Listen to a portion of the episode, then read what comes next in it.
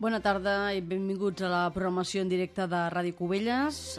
En uns minuts, quan sigui el punt de les 7 de la tarda, està previst es porti a terme un ple extraordinari per aprovar el mapa de prevenció d'incendis un ple que conté dos punts dins l'ordre del dia. D'una banda, com dèiem, aquesta aprovació inicial del plànol de delimitació de les urbanitzacions, els nuclis de població, les edificacions i les instal·lacions de Cubelles afectades per la llei de mesures de prevenció dels incendis forestals. Es tracta d'un document d'obligat compliment legal per part dels ajuntaments. Els grups municipals ja van assistir a la presentació de les feines tècniques a redacció d'aquest document el passat 31 de març per tal de resoldre dubtes, abans de passar per votació es va fer, com dèiem, aquesta presentació d'aquestes feines tècniques i avui es porta a aprovació aquest punt, l'aprovació d'aquest mapa de prevenció d'incendis. Una tasca que ha anat a càrrec de l'empresa Entre Arbres, especialitzada en enginyeria forestal i mediambiental i que ha servit per localitzar les zones del municipi vulnerables en cas d'incendi forestal. A banda, també el govern municipal portarà a aprovació l'adenda del conveni tipus sobre l'assumpció de funcions d'assistència en la gestió econòmica local, el conveni ASGEL. Estem, doncs, pendents d'aquesta connexió amb aquesta sessió plenària extraordinària per aprovar, com dèiem, aquests dos punts dins l'ordre del dia una sessió que es podrà seguir en directe a través d'aquest canal, Ràdio Cubelles, des del 107.5 de la freqüència modulada, també des del canal de ràdio de la TDT i des de l'streaming eh, doncs, del nostre web radiocubelles.cat. També l'Ajuntament l'ofereix a través dels seus eh, canals habituals. Per tant, el podeu també seguir des del canal YouTube de l'Ajuntament de Cubelles i, com dèiem, a través d'aquesta emissora municipal Ràdio Covelles 107.5. Estem doncs pendents d'aquesta connexió amb la transmissió d'aquest ple extraordinari per aprovar aquests dos punts dins l'ordre del dia, aquesta sessió extraordinària que es portarà a terme en directe d'aquí pocs minuts.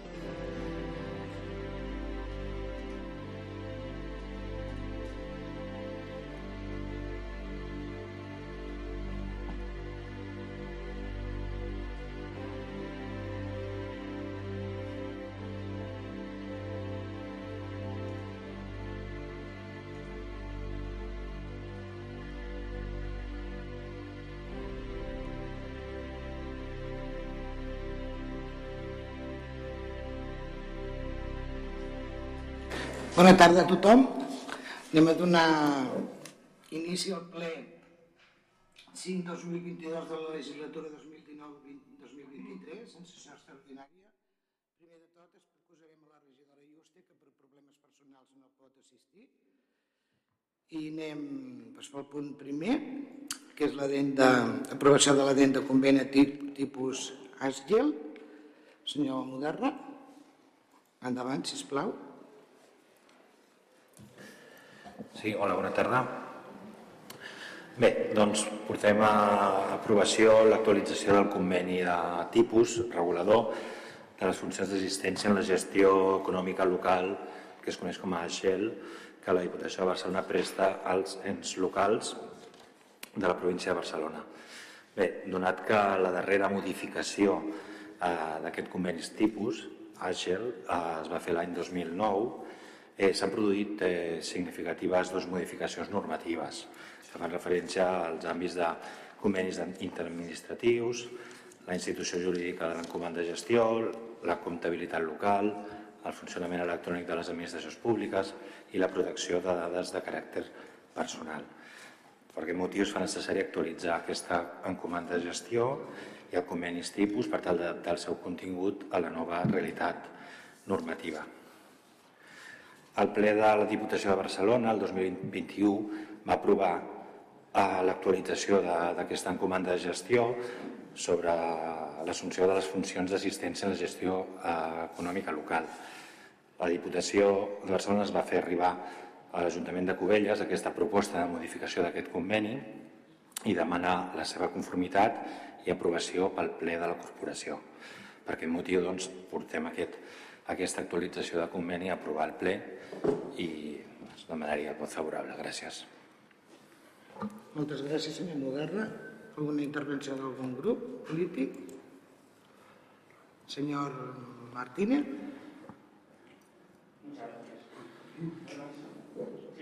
de aquí y ver a todo el mundo que estamos en buena salud. El reencuentro está bien. Quizás lo que nos ha preocupado quizás es que el, pleno para nosotros no tenía el carácter de urgencia con el que se ha, se ha aplicado, que se podía haber hecho en el siguiente. He estado revisando un poco las, las fechas no contradigo nada de lo que ha dicho el señor Mudarra, no contradigo nada. Efectivamente, esto hay que renovarlo. Evidentemente, solamente por ley de protección de datos, la Diputación de cuando se hizo el convenio en el 2009 ahora, hay muchos datos nuevos y hay otras fórmulas para, que hay que aplicar en la, en la gestión. Y es, mientras que se pueda llevar también con esa asesoría de la, de la, con cargo a la Diputación de Barcelona para municipios de menos de 20.000 habitantes, pues nosotros estamos incluidos y está bien que participemos y tenemos que aprobar esto. Quizás la única pega es que me hubiera gustado que se hubiera hecho en otro pleno, no hacer uno extraordinario para esto concretamente, no sé, un punto más. Revisando un poco por encima, esto entró en marzo, el día 2 de marzo del 2021, la petición, y solamente decir que sí que es cierto que a partir del 31 del 3 del 22, el 6 del 4 del 22 y el 6 del 4 del 22 han sucedido los informes para remitirlo a la Diputación se ha trabajado a última hora y ahora lo estamos aprobando un poco corriendo. Es una crítica que espero que me admitan. Por lo demás, votaremos afirmativamente, como no puede ser de otra manera. Muchas gracias, señor Martínez. Partit Socialista, endavant. Hola, bona, bona nit. Necessitàvem portar aquest conveni amb la Diputació en un ple extraordinari amb un cost superior als 6.000 euros per a la ciutadania? No es podia haver aprovat aquest conveni en el proper ple ordinari tenint en compte que està caducat des de l'any passat? Si hi ha temes que ens obliguen a convocar un ple extraordinari cada mes amb la despesa que això suposa, per què no fem plens ordinaris cada mes? Estant a 19 d'abril ens trobem davant del tercer ple extraordinari i cinquè de l'any. Si s'estan gastant un dineral de la ciutadania en convocar tres plens extraordinaris en tres mesos i mig, per què no fer plens ordinaris cada mes? Per si algú no ho sap, els explicarem la diferència entre un ple extraordinari i un ordinari. En els plens ordinaris, l'oposició pot fer pregs i preguntes que el govern ha de contestar en el següent ple ordinari, actualment cada dos mesos. En canvi, els plens extraordinaris tenen el mateix cost per la ciutadania, però l'oposició no pot fer ni pregs ni preguntes. Si sembla que hi ha contingut per fer plens ordinaris cada mes i el cost que s'està gastant és el mateix, ja que portem cinc plens en menys de quatre mesos, per què no fer plens ordinaris cada mes? Un segon. Doncs perquè el govern hauria de contestar el doble de preguntes i convocar plens extraordinaris quan li venen de gust. Perquè, perdó, perquè el govern havia de contestar el doble preguntes de l'oposició i contestar-les la meitat de temps i sentir cada mes els pregs de l'oposició. I recordem que la decisió de fer plens ordinaris cada dos mesos i convocar plens extraordinaris quan li venen de gust, limitant la capacitat fiscalitzadora de l'oposició, és del govern. Arribats al cinquè ple de l'any, amb un cost de 30.000 euros plens per la ciutadania i aquest en concret un cost de més de 6.000 euros per la signatura d'un conveni de col·laboració sense projecte de govern, amb un govern amb majoria absoluta més un. No pot seguir els plecs ni contestar cap més pregunta de l'oposició. El PSC votarà positivament de forma responsable, però continuarà exercint la seva activitat de control al govern municipal i explicant a la ciutadania allò que el govern no vol ni explicar ni sentir. Gràcies.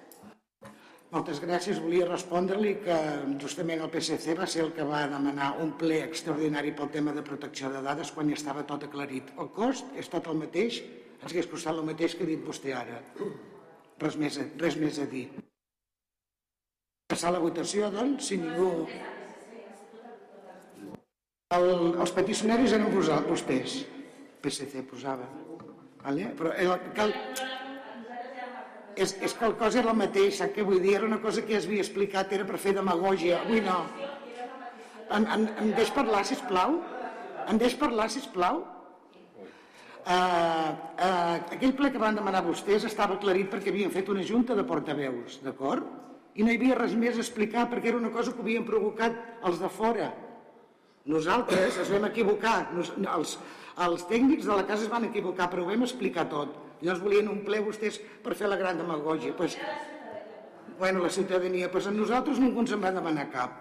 Doncs aquell ple valia el mateix que aquest, igual. I, i s'ha descuidat amb una cosa, tampoc es poden presentar mocions en tot el que he dit, d'acord? A la pròxima perquè ho tinguin en compte. Anem a passar la votació, si plau. Sí? Davant, senyor Pineda.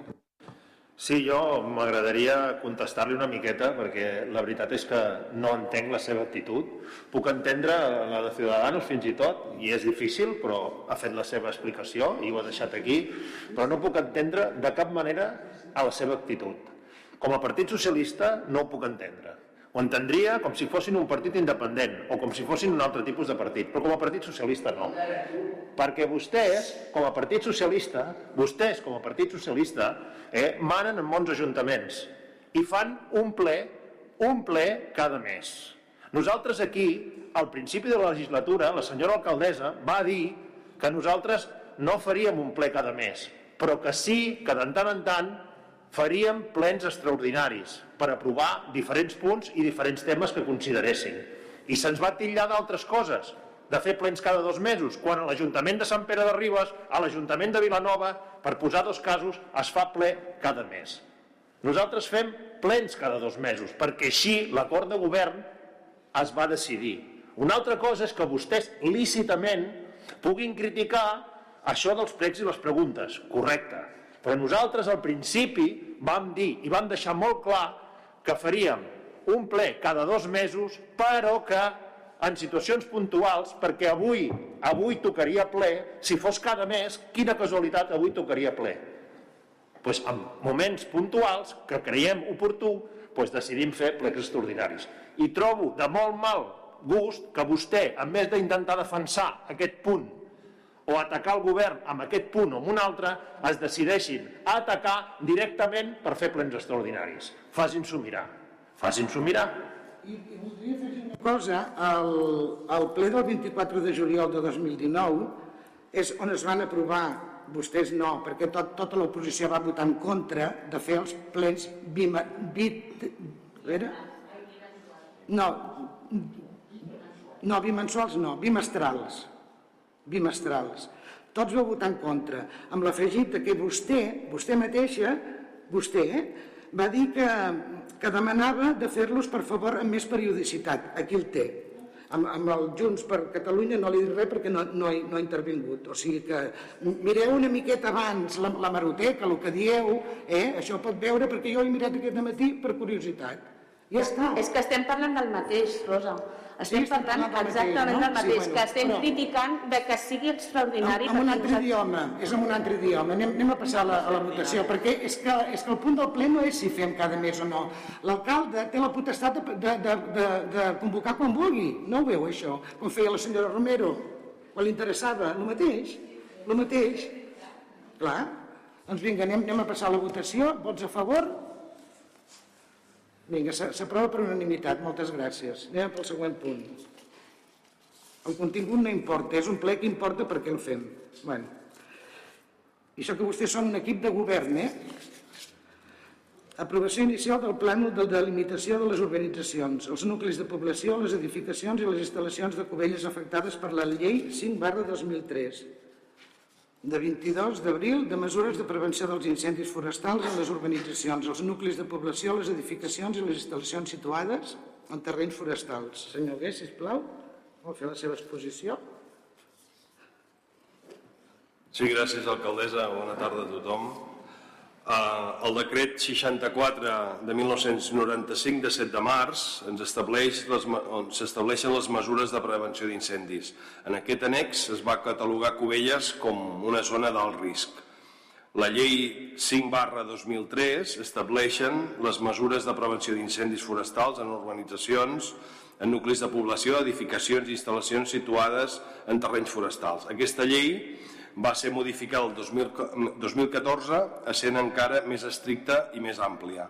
Avui portem a aprovació inicial d'aquest plenari el plànol de delimitació d'urbanitzacions, nuclis de població, les edificacions i instal·lacions de Cubelles afectades per aquesta llei 5 barra 2003. Aquest minuciós treball tècnic l'ha portat a terme l'empresa Entre Arbres, consultoria especialista- especialitzada en temes d'enginyeria forestal i va ser presentat a, a tots els regidors i regidores del consistori fa unes setmanes en sessió de treball. El document localitza i enumera totes les zones vulnerables davant del risc d'incendi i delimita unes franges perimetrals d'una amplada mínima de 25 metres. Voldria fer èmfasi que la responsabilitat d'executar aquestes franges en sol privat pertanyen a la propietat i, en segona instància, a l'administració pot executar-ho de manera subsidiària.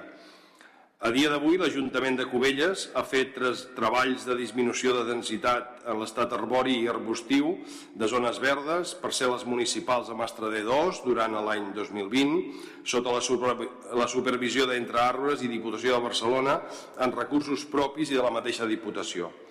Durant el 2021 també s'ha executat la franja perimetral de Mastra D2, alhora que l'Associació de Propietaris Forestals del Garraf a través de la Diputació i amb la col·laboració de l'Ajuntament ha fet treballs forestals a Corral d'Ancona, Gallifa, Mas Baró i Molí de l'Estapé. Aquest 2022 es farà l'obertura de la franja perimetral a les Estoreres.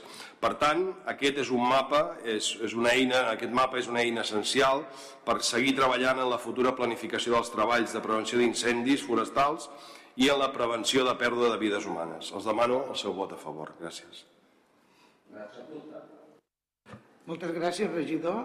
Anem a donar les paraules als partits. Me parece que no, no li toca abans, ¿no? ¿Vostè? ¿No? Davant, senyor Martínez. Davant, senyor Martínez. Muchísimas gracias.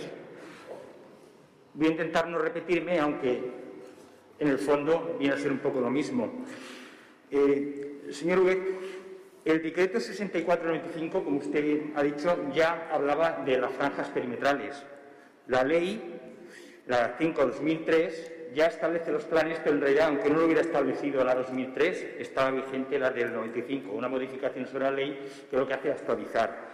Después, la tramitación de que se ha hecho solicitud a este ayuntamiento por parte de la Generalitat para que se, se realicen esos, esa zona eh, periférica a organizaciones en prevención de los riesgos forestales, aquí hay un trámite que es el 9 de julio de 2021. Se realiza ese trámite por petición de la Generalitat. Ustedes le reenvían y contestan en octubre favorablemente, si bien con algún cambio que se encarga la empresa entre de, de hacer el, el, informe definitivo. Y es decir, ya se ha tramitado a la Generalitat y mi crítica es ¿por qué en ese estadio de una situación que estaba tramitándose en este ayuntamiento no hemos tenido participación ni conocimiento nosotros como, como oposición? Es mi manera de verlo. Ha habido un trámite que quizás podríamos haber tenido en cuenta alguna cosa y haber aportado. No pasa nada porque, evidentemente, sin la aprobación del Pleno, pues se entiende que esto no va a ser.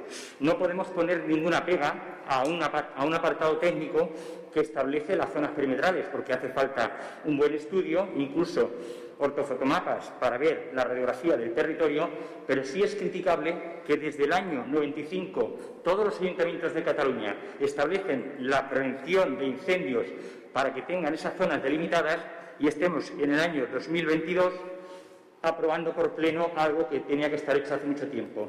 Entiendo que no son ustedes los únicos que han tramitado desde que esto está en vigor, pero como ayuntamiento yo no le puedo exigir a los que había antes, tengo que exigir a lo que hay. Y más porque Ciudadanos ha puesto encima de, uno de los plenos la revisión de los planes, que ya no solo que no nos lo aprobaron, sino que parecía que estábamos pidiendo la luna, sí, nosotros, y en especial el manual antiincendios, que dijimos que era obsoleto, que aunque estaba aprobado en el 2014, su redacción era de 2013, y eso sí fue con ustedes. Y nosotros pusimos sobre la mesa eso aquí. Pero como tienden a negar todo, y más si viene de Ciudadanos, no nos, lo, no nos lo aprobaron, la petición de que se hiciera un estudio que se actualizara esos planes. Esa es la crítica, y con eso tendrán que aceptar que no se ha hecho bien en ese apartado con la oposición.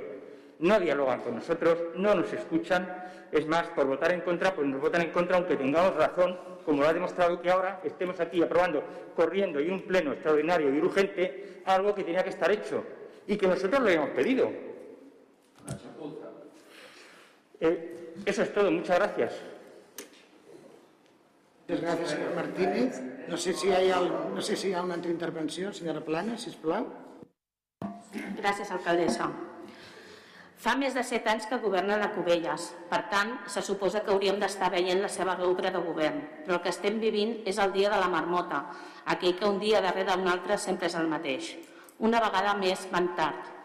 Van tard amb la biblioteca, que ja és la nostra sagrada família. Suposo que esperen inaugurar-la poc abans de les eleccions per garantir un, un espai necessari, amb pura propaganda personalista i de partit que ens tocarà pagar de la nostra butxaca. Van tard amb la zona blava, van dir que estaria enllestida per Setmana Santa. Ara ja sabem que no serà aquesta Setmana Santa. S'haurà d'indemnitzar amb diners públics l'empresa concessionari pel retard? També hem entrat amb el mapa de zones vulnerables, obligatori des de l'aprovació de la llei l'any 2014, on han de posar en un plànol les urbanitzacions, els nuclis de població, les edificacions i les instal·lacions que la llei exigeix que hi constin. És el govern municipal qui està obligat a fer-ho. El 2014 entra la vigor la llei, vostès entren a governar 2015 i el 2022 és quan s'aprova d'urgència aquest mapa de zones vulnerables. Una altra prova que van tard, sempre van tard. Volem conèixer la seva obra de govern, que fan més enllà de portar d'urgència punts que fa temps que haurien d'haver passat pel ple. Què passa amb el manteniment? Hi haurà taxes, tal com hi tenen a Olivella, perquè els propietaris compleixin amb les seves obligacions? Per cert, municipi governat amb molta eficiència pel PSC i per la nostra companya socialista Marta Verdejo. La seqüència dels fets, dels fets ha estat la següent. Fan les franges perquè hi ha subvenció de la Diputació. Han de retornar una part de la subvenció perquè la feina no l'han feta bé perquè primer s'ha de netejar la neteja de les parcel·les municipals. La seva obra de govern es basa en endeutar-se amb crèdits i utilitzar el romanent de diners públics per poder posar pedaços i actuar segons les subvencions disponibles. Però vostès què es pensen que gestionen? Unes cales de veïns? Tenen la filosofia de que dia passa anys empeny? Gestionen Cubelles un municipi de més de 16.000 persones i un municipi que segueix creixent, malgrat que l'alcaldessa no li agradi tal com ha expressat en algun fòrum de manera pública. Aprenguin d'Olivella o de Sant Pere de Ribes, dos municipis molt ben gestionats, que són un exemple per a la comarca i estan governats per dues dones socialistes. I aquesta és la manera de fer que volem per Cubelles. Fer les coses ben fetes i no tard i malament. Malgrat tot plegat, mai ens oposarem a aquelles decisions que siguin bones per la ciutadania de Cubelles. Tenen el vot favorable dels socialistes, ja que si es pot vot per Cubelles és bo pel PSC. Gràcies. Ja, ja que han nomenat els ajuntaments de Sant Pere de Ribes i Olivella, podien prendre un model que no tenen res a veure amb vostès. Endavant, regidor, si vol...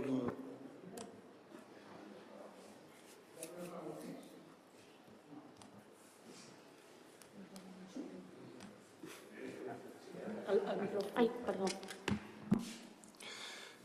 Bé, una mica el torn de rèplica amb, amb el senyor Martínez de Ciutadans bé, una mica perquè no serveixi de, de precedent, li dono la raó. Aquesta llei és del 2003, estem al 2022. Va haver una modificació que endureix més aquesta llei, que la fa més àmplia, que la fa, diguem-ne, més, més robusta. Unitat Covellenca i aquest grup municipal o, o aquest govern està des del 2015.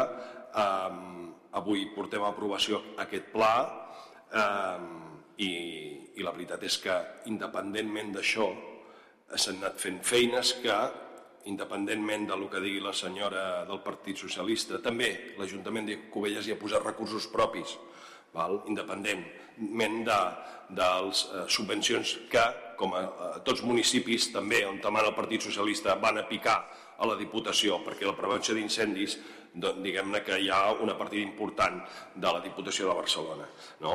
I doncs, és, és lleig, però el 2003, 2008, Partit Socialista, val, eh, és lleig. Jo, jo, jo, jo em puc fer càrrec des del, de, des del 2015. 2015-2022 tenim aquest pla, s'ha fet feina i recordar-li que, bé, la veritat és que en aquest, en aquest municipi poca gestió forestal s'havia fet o nula, de, bàsicament es va començar a fer quan es va començar a fer l'esfranja perimetral de Mastrader 2 que els, eh, els veïns la demanaven a crits. Val? I s'havia de fer i s'ha fet i se seguirà invertint se seguirà invertint en aquesta, en aquesta, en aquesta línia perquè és, és inexcusable no fer-ho. I com vostè diu també el tema d'altres plans de, eh, de seguretat, tenim aprovat el Duprocim, el tenim eh, on es recull doncs, el, el, eh, tot el, el, el tema de gestió d'incendis, d'inundacions, eh, tot això queda recollit en aquest document marc eh, que el tenim actualitzat. Es van fent, es van fent simulacions, es van fent eh, actualitzacions i, i el anem treballant amb seguretat ciutadana.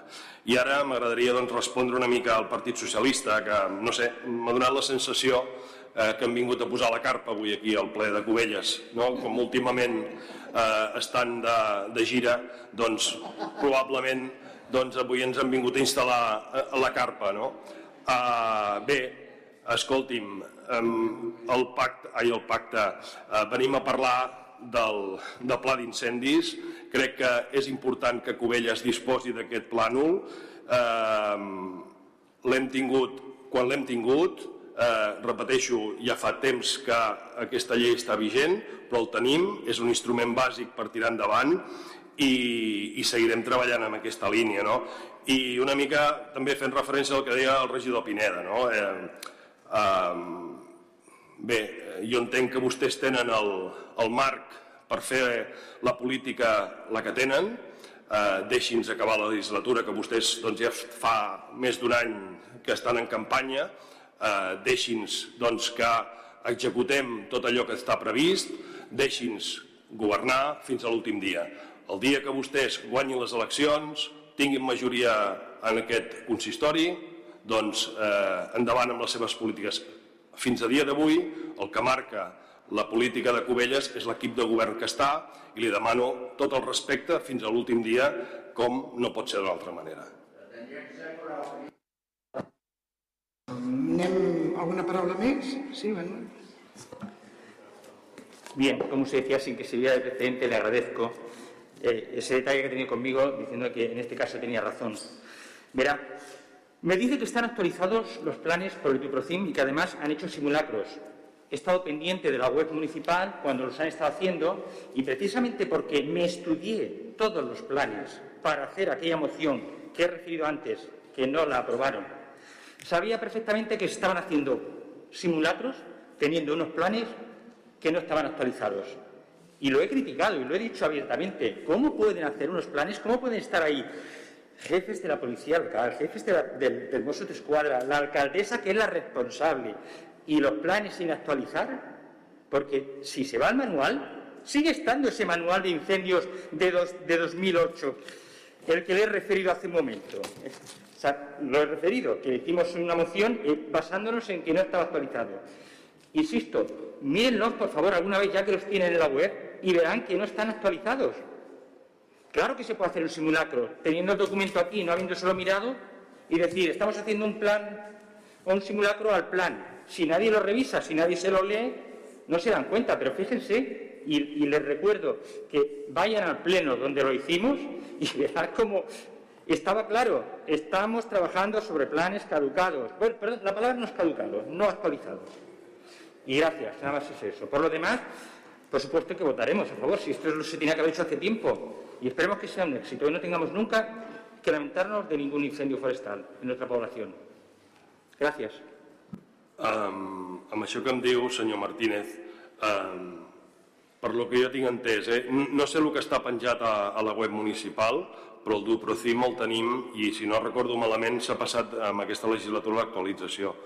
Um, probablement, a lo millor, uh, pot ser que uh, a lo millor la web municipal encara estigui l'antic, um, però no sé, molt, uh, jo, jo crec que estic en la certesa de que eh, es va passar per aquest plenari, si no la, la, la secretària es pot corregir i, i s'ha actualitzat. De fet, s'han fet dos simulacres, eh, un va ser de, de foc i l'altre va ser d'inundació.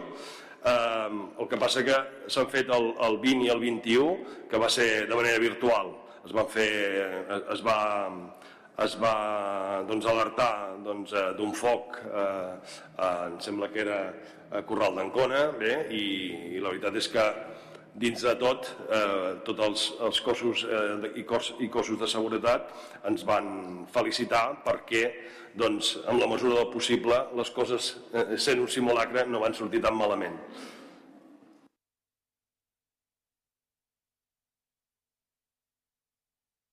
¿quiere, ¿quiere guardar silencio, por favor? Gracias a usted por, por, por mantenerlo.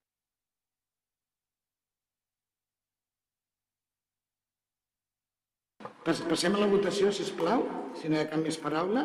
Vots a favor? Vale, s'a- s'aprova per unanimitat i bueno, pues, fins al segon dimarts del mes que ve, que tindrem el proper ple i abans tindrem la comissió informativa. Moltes gràcies per haver assistit i per haver donat-nos el suport. Gràcies a tots.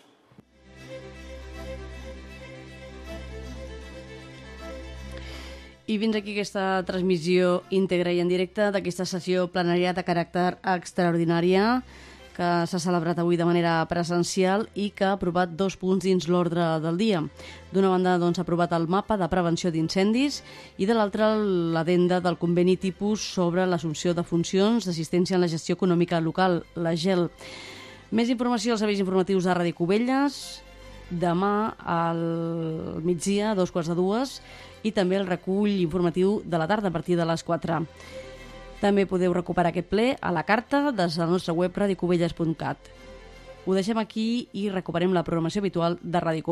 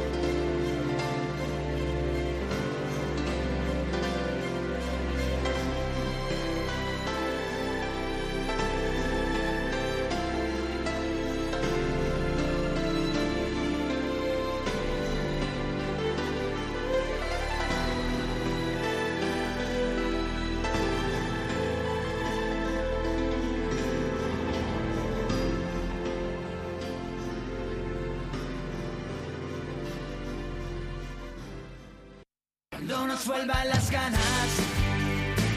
Divendres 22 d'abril, lliurament dels premis del 26è concurs de contes i narració breu Víctor Alari. A les 7 de la tarda a la sala sociocultural, obertura de l'acte càrrec del senyor Ramírez. Sergi Ramírez interpretarà temes del seu disc Que nos bailen lo quitao. I també el grup de teatre del Casal de Cultura farà lectura dels poemes premiats. Més informació a radiocubelles.cat. Cuando nos vuelvan las ganas.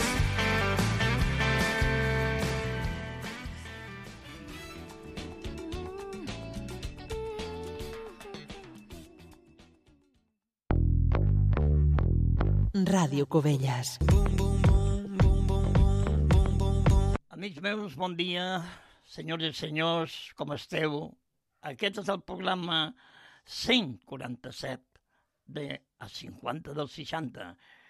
I aquest fa temps, bueno, com que hi posem de tot, perquè la música d'aquests 50 barra 60 anys i cap de tot i més, per què avui no posem una mica de chanson francès? La cançó